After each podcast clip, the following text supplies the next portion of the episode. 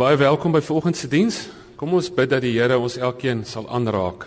Dat hy ons sal intrek by die beweging waarmee hy reeds in hierdie wêreld besig is. Kom ons bid saam. Here baie dankie vir die voorreg om vanoggend hier saam te wees. Dankie vir u teenwoordigheid. Ons wil kom erken dat u ons gemaak het, dat u die beste weet hoe ons in hierdie wêreld te mekaar pas. En dis hoekom ons hier is, Here, vanoggend aan die een kant net om weer bewus te word van u teenwoordigheid ook in die liggaam, ook deur die woord, deur die gees, op soveel maniere vanoggend hierso. Maar ook om te kom aanmeld vir diens en te sê Here, wys vir ons en sê vir ons wat moet ons doen in hierdie wêreld waarin u vir ons gesit het. Ons wil graag alle eer vanoggend vir u gee, u aan wie ons behoort in Jesus Christus se naam. Amen. Gemeente genade en vrede vir julle van God ons Vader en van die Here Jesus Christus deur die kragtige werking van sy Gees. Kom ons gaan dan nou saam sing uh, lied 177 al die verse Jesus groot bo almal.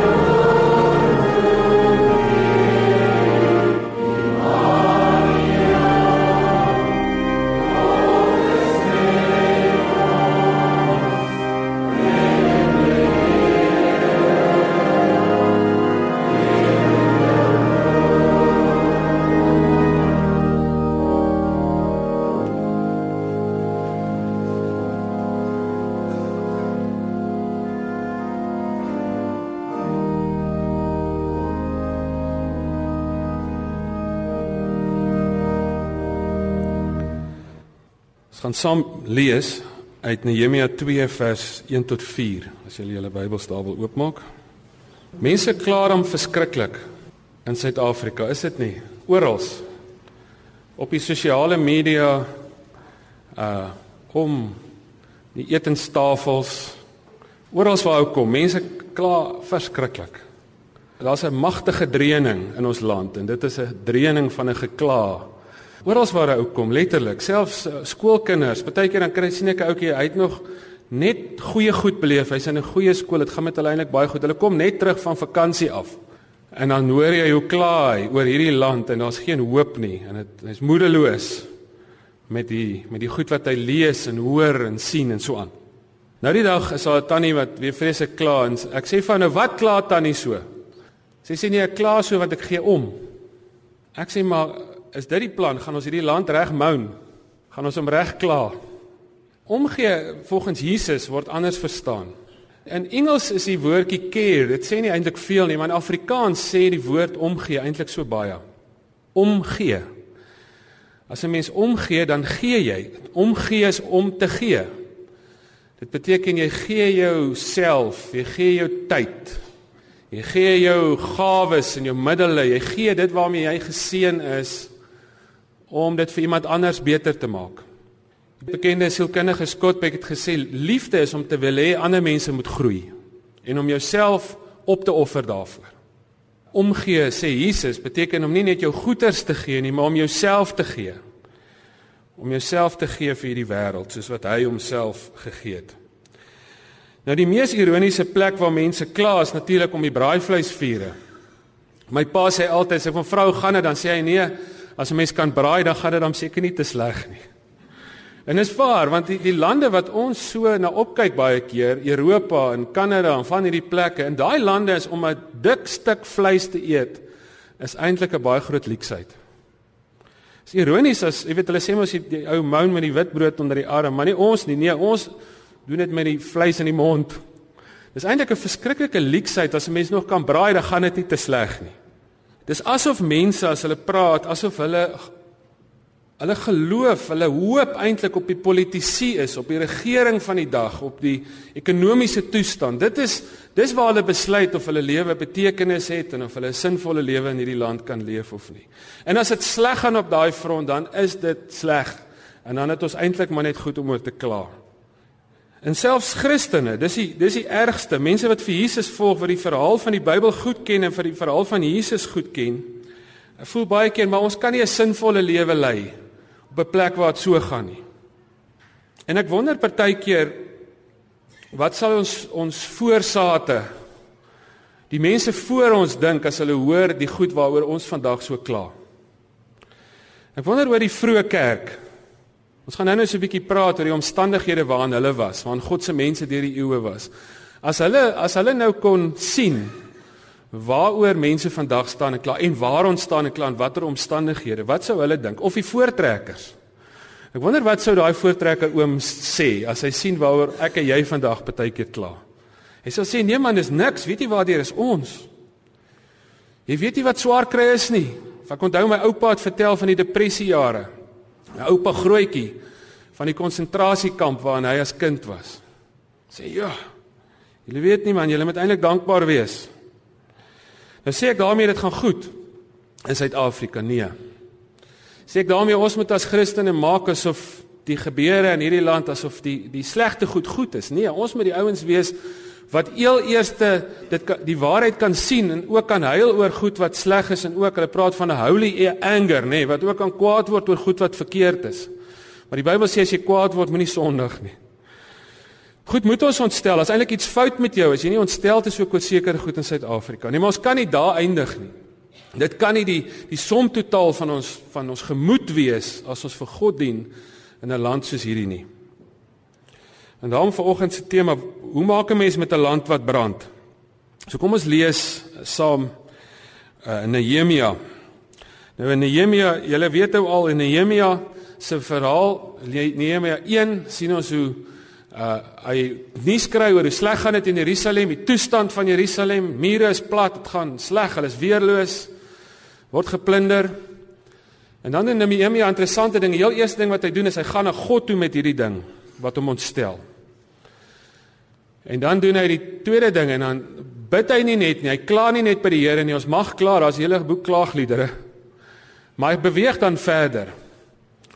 Hy kla nie net nie, hy meld ook aan vir diens. So kom ons lees Nehemia 2 vers 1 tot 4. Nehemia self se woorde. Hy sê dit was in die maand Nisan, die 20ste jaar van koning Artasasta. Hy was 'n uh, hy was die die ou wat die wyn aangegee het vir die koning. Hy sê hierso: "Die wyn was voor hom en ek moes dit optel en hom gee. Ek was nooit bedruk voor hom nie, maar die dag sê die koning vir my: "Hoekom lyk jy so bedruk? Is jy dalk siek?" Nie hartseer dan. Hy sê ek was baie bang. Maar ek het vir die koning gesê, mag die koning baie lank lewe. Hoe sal ek dan nie bedruk lyk as die stad waar my voorvaders begrawe is in pyn lê en sy poorte verbrand is nie? Toe sê die koning vir my, is daar iets wat jy my wil vra? Ek het 'n skietgebed opgestuur na God van die hemel en toe vir die koning gesê, as die koning dit goed vind, as u dienaar op u goedgesindheid mag reken, Stuur my dan na Juda toe, na die stad waar my voorvaders begrawe is, sodat ek die stad kan herbou. Nou ek het gesê daar's iets fout met ons as ons as, as sekere dinge ons nie ontstel nie. Ek dink ons moet begin by die hart van Nehemia, maar ons moet ook eindig by die hart van Nehemia. Ons moet sy volle hart vat. Ons kan nie net sy ontsteltenis vat nie. Aan die een kant moet ons kyk en sien en ons moet sê maar kyk hoe lyk hierdie plek. Kyk wat gaan aan. Dit kan ons nie so aangaan nie moet gefrustreerd wees. Ek is ook gefrustreerd met 'n klomp goed wat ek lees en wat ek sien om my. Maar aan die ander kant moet ons ook weet dis nie vreemd vir God se mense om in 'n moeilike tyd 'n verskil te moet maak nie. Ons moet ophou maak asof dit so uniek is dat ons in 'n land met moeilike politieke omstandighede en met met groot sosiale uitdagings dat ons as Christene ons skielik nou in sulke omstandighede bevind.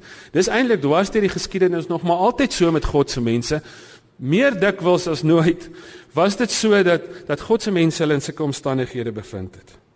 Die Bybel is nie 'n boek wat gaan oor mense wat 'n gemaklike lewe gelei het en wat in gunstige ekonomiese en politieke omstandighede gelewe, gelewe geleef het nie. Inteendeel, dit is 'n boek van van mense, is verhale, verhaal van mense wat dit baie swaar gehad het. Net as ons kyk na die verhaal van Israel, Dit was hierso 722 voor Christus is dit die Assiriërs. Dis al 700 jaar voor Jesus opgedaag het. En dis net so 'n stukkie van die geskiedenis wat ek nou met julle wil deel. Maar maar daar was dit al die Assiriërs wat hulle oorheers het. Daar's omtrent die 20 blaaie in die in die Bybel na mekaar, seker nie 10 bladsye waar daar nie een of ander besetting of verskriklike politieke krisis is nie. Dan sit die Assiriërs wat hulle oorheers. Hulle aanval en hulle oorneem. Dan julle ken die stories van die ballingskap, die Babiloniërs. 586 voor Christus. En dan vang hulle hierdie mense, al die goeie manne, al die gesonde mense en hulle voer hulle weg om hulle dienaars te wees. Kyk, dink hoe verskriklik moet dit wees. Hoe dit 'n mens sal ontstel. Hoe dit 'n Jood sal ontstel dat hulle hom vat uit sy eie land uit en hom aanstel om 'n dienaar te wees in 'n vreemde land. Ek luister nou die dag daai liedjie uh, by the rivers of Babylon wat gebaseer is op daai Psalm wat sê by die riviere van Babylon daar het ons gesit en ons het geween en hulle het gesê maar sal julle nie vir ons iets speel op julle siters nie en dan sê hulle maar ons ons siters ons musiekinstrumente stikkend hoe kan ons sing in 'n plek soos hierdie en dan spot die Babiloniërs met hulle en dan later na die Babiloniërs dis nou hierdie tyd wat ons lees van Nehemia dan sit die Persiese ryk wat Israel uh, oorneem dan sal hulle onder Persiese heerskappy en dan later Dan dit baie keer nes hulle dink dit gaan nou beter. So 300 voor Christus dan sit die Grieke wat oor Israel kom heers, wat hulle kom verdruk in hulle eie land. En dan hier 63 voor Christus, dan is dit die Romeine wat ons die beste ken want die hele Nuwe Testament speel af in daai tyd. Dan dit die Romeine wat Israel uh, wat die hele Israel beset en vir hulle vertel hoe moet hulle maak in hulle eie land en hierdie hierdie Jode verneder met vir hulle baie swaar maak. En dan lees ons 70 na Christus, hierso by 66 70 na Christus in die geskiedenis. Lees ons dan sy die val van Jerusalem, dan staan daar 'n rebellie, gaan nou nou meer daaroor sê. En dan val Jerusalem weer. Ons het nou gelees, as ou Nehemia lees hoe hulle die stad herstel, maar dit is asof hy elke keer weer val. En asof elke geslag in hulle tyd weer moet besig wees om 'n verskil te maak, om te bou en om te help en dit wat tot hulle beskikking is in te span. Historiese skrywers sê met daai val in 70 na Christus is hy by die 600 000 mense dood in Jerusalem. 97 000 gevange geneem.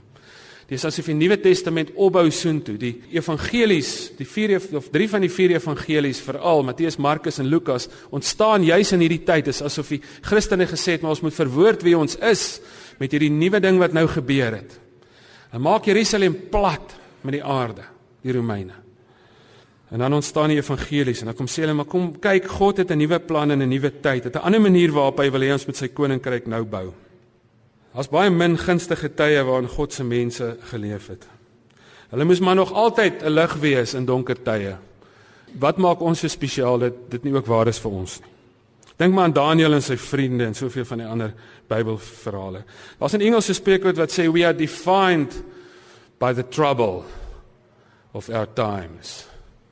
Dis die moeilikheid wat wys wie ons regtig is. Jy's in die moeilike tye waar mense se God se mense gewys het waarvan hulle gemaak is. Die vraag is sou ons van die die geloofshelde wat ons in die Bybel lees, sou ons hulle onthou het as dit nie vir die moeilike tye was nie. Dink jouself in 'n Moses sonder 'n Egipte. 'n Noag sonder 'n vloed, 'n Jona sonder 'n vis, 'n Nehemia sonder 'n stuk in 'n muur, 'n Stefanus sonder klippe, vir Jesus sonder 'n kruis.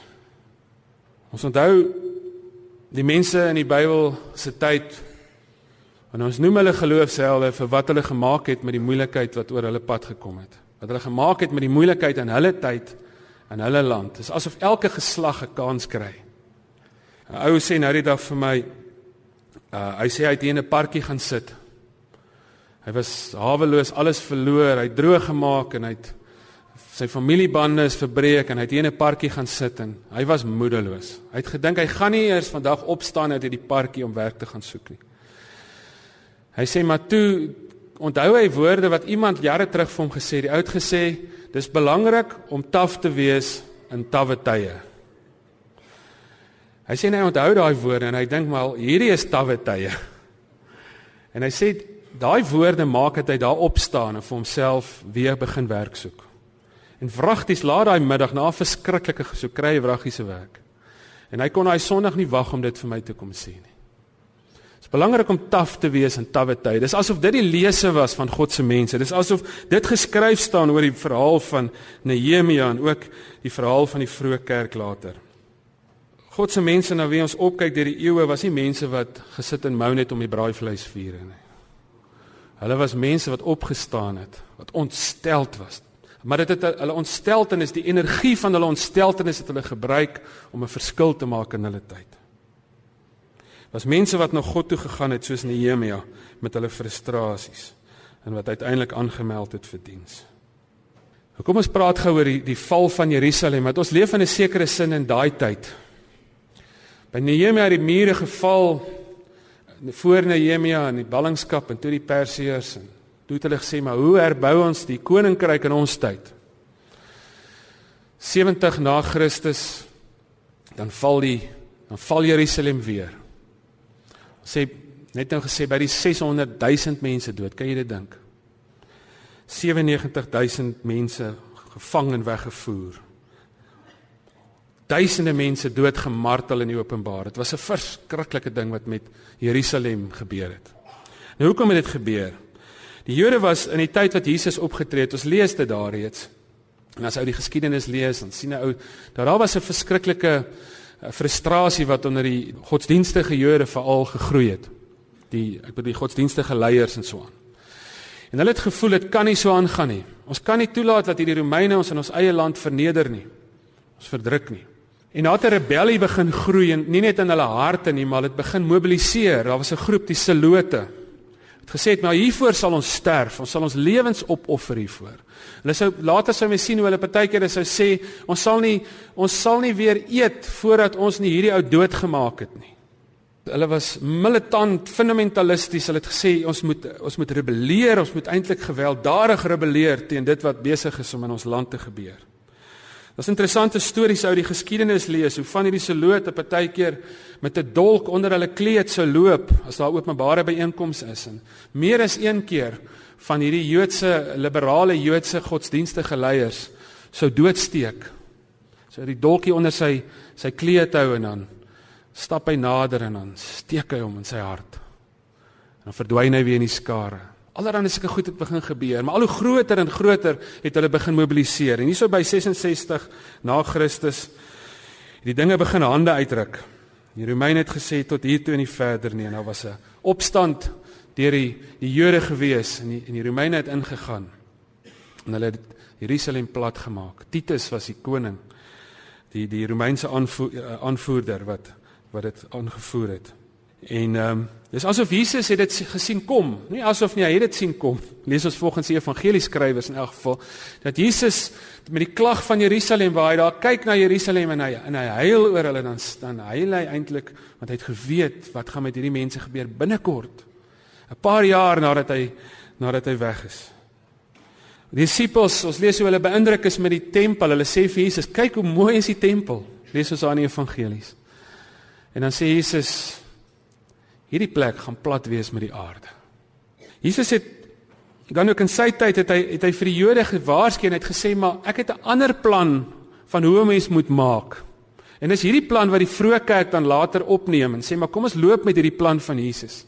Ek het 'n ander plan vir vir hoe mens moet maak in 'n tyd soos hierdie en 'n omgewing soos hierdie.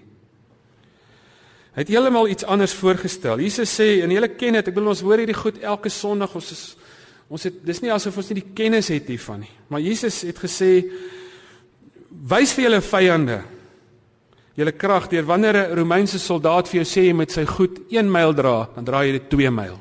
Dan draai jy dit dubbel so ver. Hy sê as 'n Romeinse soldaat in die openbaar jou klap, moenie omdraai en weghardloop nie. Staan jou grond en draai jou ander wang. Hy sê geseënd is die vredemakers. Hy sê begin julle self sien as vredemakers. Later sou Paulus die woorde ego hy sê sê as jou vyand honger is gee hom iets om te eet as hy dors is gee hom iets om te drink en dit sal hom vuurrooi maak van skaamte Jesus sê maar julle moet 'n sekere sin julle lewens ook gee vir julle vyande soos wat ek my lewens gee vir my vyande en is nou eintlik ons wat hierso sit. Jesus het 'n radikale nuwe koninkryk in gedagte. Die Nuwe Testamente, die Testamentiese skrywers praat meer as een keer in die briewe praat hulle van 'n nuwe volk. God het vir hom 'n nuwe volk bymekaar gemaak. Ons sien in hierdie nuwe volk van God erg soos dit vir die eerste hoorders moes wees. Hierdie nuwe volk van God sluit hy ook die Romeine in. Hy het ook 'n plan vir die Romeine. Hy het ook 'n plan vir die Grieke. Hy het ook 'n plan vir die Samaritane op wie die Jode verskriklik neergekyk het. Hy het ook 'n plan vir die Jode. Hy het hy het 'n plan dat hierdie mense op 'n nuwe manier bymekaar sal kom en dat hulle die mees hegte band met mekaar sal vorm wat jy in die antieke tyd kon vorm en dit is om mekaar broer en suster te noem. Ons sien dit reeds in die bediening van Jesus dat hy dat hy iets daarvan al begin wakker maak in mense se harte. Dat 'n Romein ook een van God se mense kan wees. Dat hy ook kan gelowig wees. Ons lees daar van die Romeinse offisier wat kom vra dat hy sy slaaf genees en dan sê Jesus iets wat die Fariseërs en die Sadduseërs en hierdie ouens in hulle wese moet skok. Dit was 'n Romeinse offisier. Dan sê hy onder die hele Israel het ek nog nooit geloof soos hierdie gesien nie. Later by Paulus lees ons oor die eerste gemeentes dan sê hy dan Kolossense 3 vers 11 Hy sê hier is dit nie van belang of iemand Griek of Jood is nie, besny of nie besny nie, anderstalig, onbeskaaf, slaaf of vry nie. Hier is Christus alles en in almal. Julle is die uitverkore volk van God wat hy liefhet. Nou wat praat hy daar uitverkore volk? Hy, hy sê hierso, hier is dit nie van belang of jy Griek of Jood is nie, besny of nie besny nie, anderstalig, onbeskaaf, slaaf of vry nie. Hy sê dis die nuwe uitverkore volk van God. Dis die koninkryk waarna ons moet bou. Hy, hy sê dit weer in Galasiërs vir 'n ander gemeente, sê hy dieselfde storie weer. Hy sê Galasiërs 3 vers 28. Hy sê dit maak nie saak of iemand Jood of Griek of slaaf of vry, man of vrou is nie, in Christus Jesus is julle almal een. En as julle aan Christus behoort, is julle ook nakommelinge van Abraham en erf, erfgename kragtens die belofte van God. Nou die dag praat ek met iemand hieroor en En ek sê dit is net so erg partykeer. 'n Mens kan oor hierdie goed preek. En mense kan hierdie goed in die Bybel lees, maar hulle sal nog steeds presies die teendeel hoor. Dis die ironie, ironie van ons tyd. Dat die boodskap van Jesus partykeer baie ongewild is onder Christene. Dat al lees ons dit, al hoor ons dit, dit was God se plan dat die grense van mense sal verdwyn. Dat ons 'n nuwe volk, 'n nuwe koninkryk moet bou dat mense dit eenvoudig nie hoor nie. Selfs mense wat hulle lewe in die kerk spandeer het. Die groot ironie van ons tyd is dat mense wat die evangelies honderde kere gehoor en gelees het, nog steeds die hart daarvan mis. Die feit is as Paulus nie begin grense oorsteek het nie, was nie een van ons vandag Christene nie. Ons voorouers was nie Jode nie. As Paulus gekies het om net by die Jode te bly, dan het ons voorouers wat heidene was, as ons ver genoeg teruggaan wat die vroeë kerk met verskriklike koste bereik het dan het hulle nie tot bekering gekom nie. As hulle geglo het soos party Christene vandag glo elke groepie moet maar net by homself hou. Dan was ons nie vandag gelowiges nie. Dan het ons nie vanoggend hier gesit en hierdie boodskap gehoor nie. As ons dan in ons tyd soos Nehemia nie net wil sit en mou nie maar ons wil aanmeld vir diens dan is dit om hierdie nuwe koninkryk van Jesus in Suid-Afrika te help bou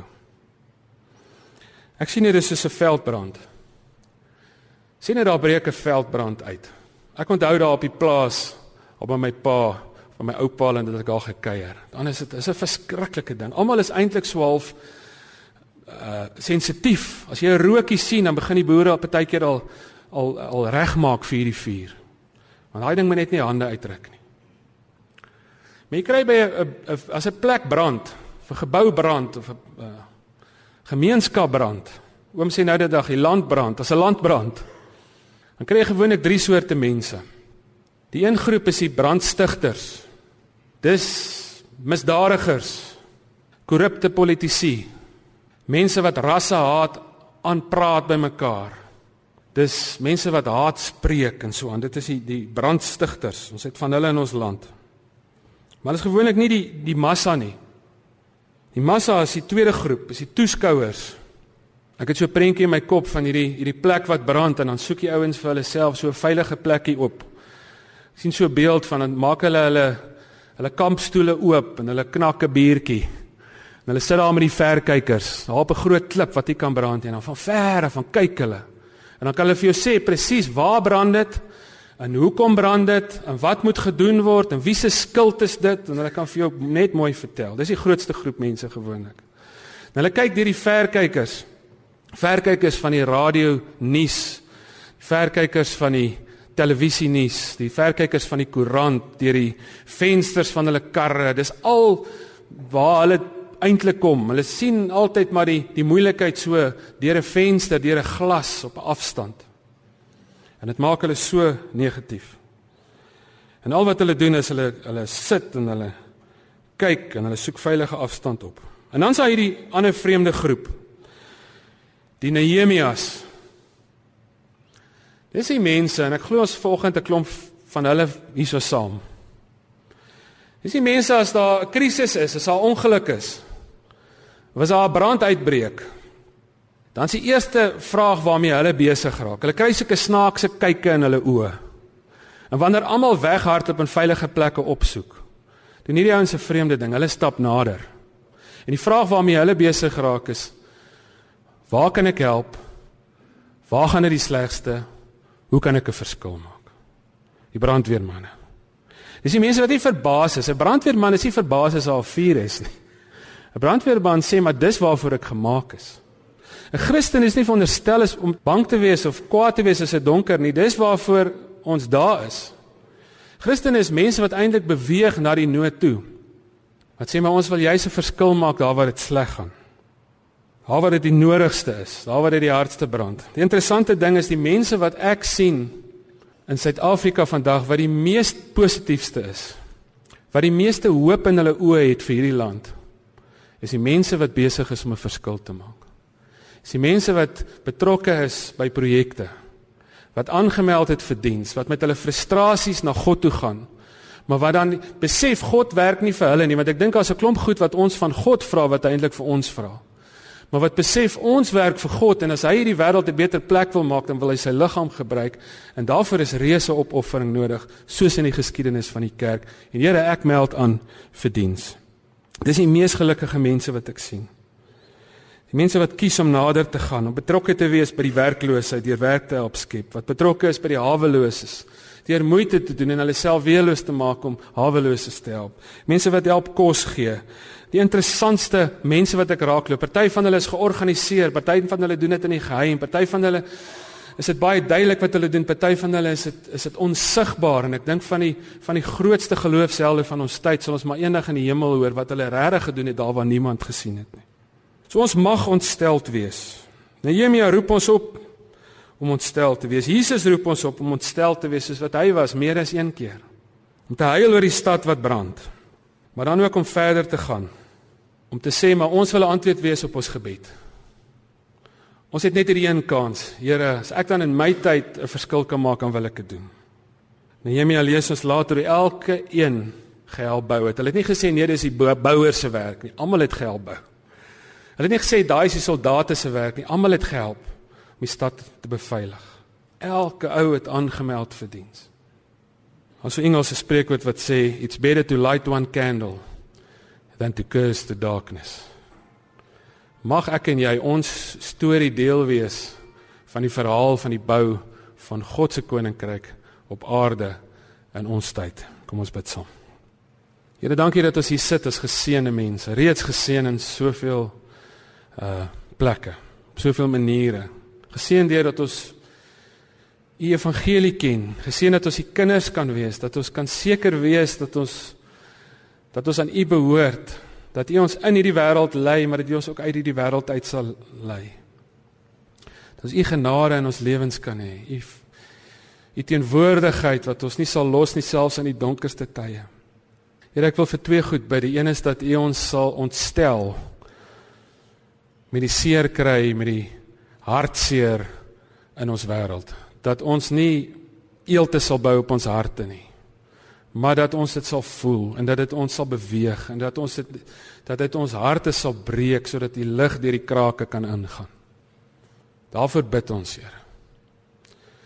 Maar ons wil ook kom Here en ons weet gelukkig slaan nie reguit hou met 'n kromstok. Gelukkig kan U 'n klompie broodjies en visse vat en 'n skare kos gee. En ons wil in ons gebrokenheid kom en in ons twyfel en in ons frustrasies en in ons swakheid en ons wil tog kom vra Here dat U ook met ons sal doen wat U met Nehemia gedoen het. Dat U daai ding wat in hom beweeg het, dat hy sy lewe gegee het vir sy vir U koninkryk in sy tyd dat ons ook ons lewens sal gee, dat dit ons ook sal beweeg, Here, dat dat die frustrasie ons nie sal wegbeweeg van ons roeping nie, maar dat dit ons juis na ons roeping toe sal beweeg.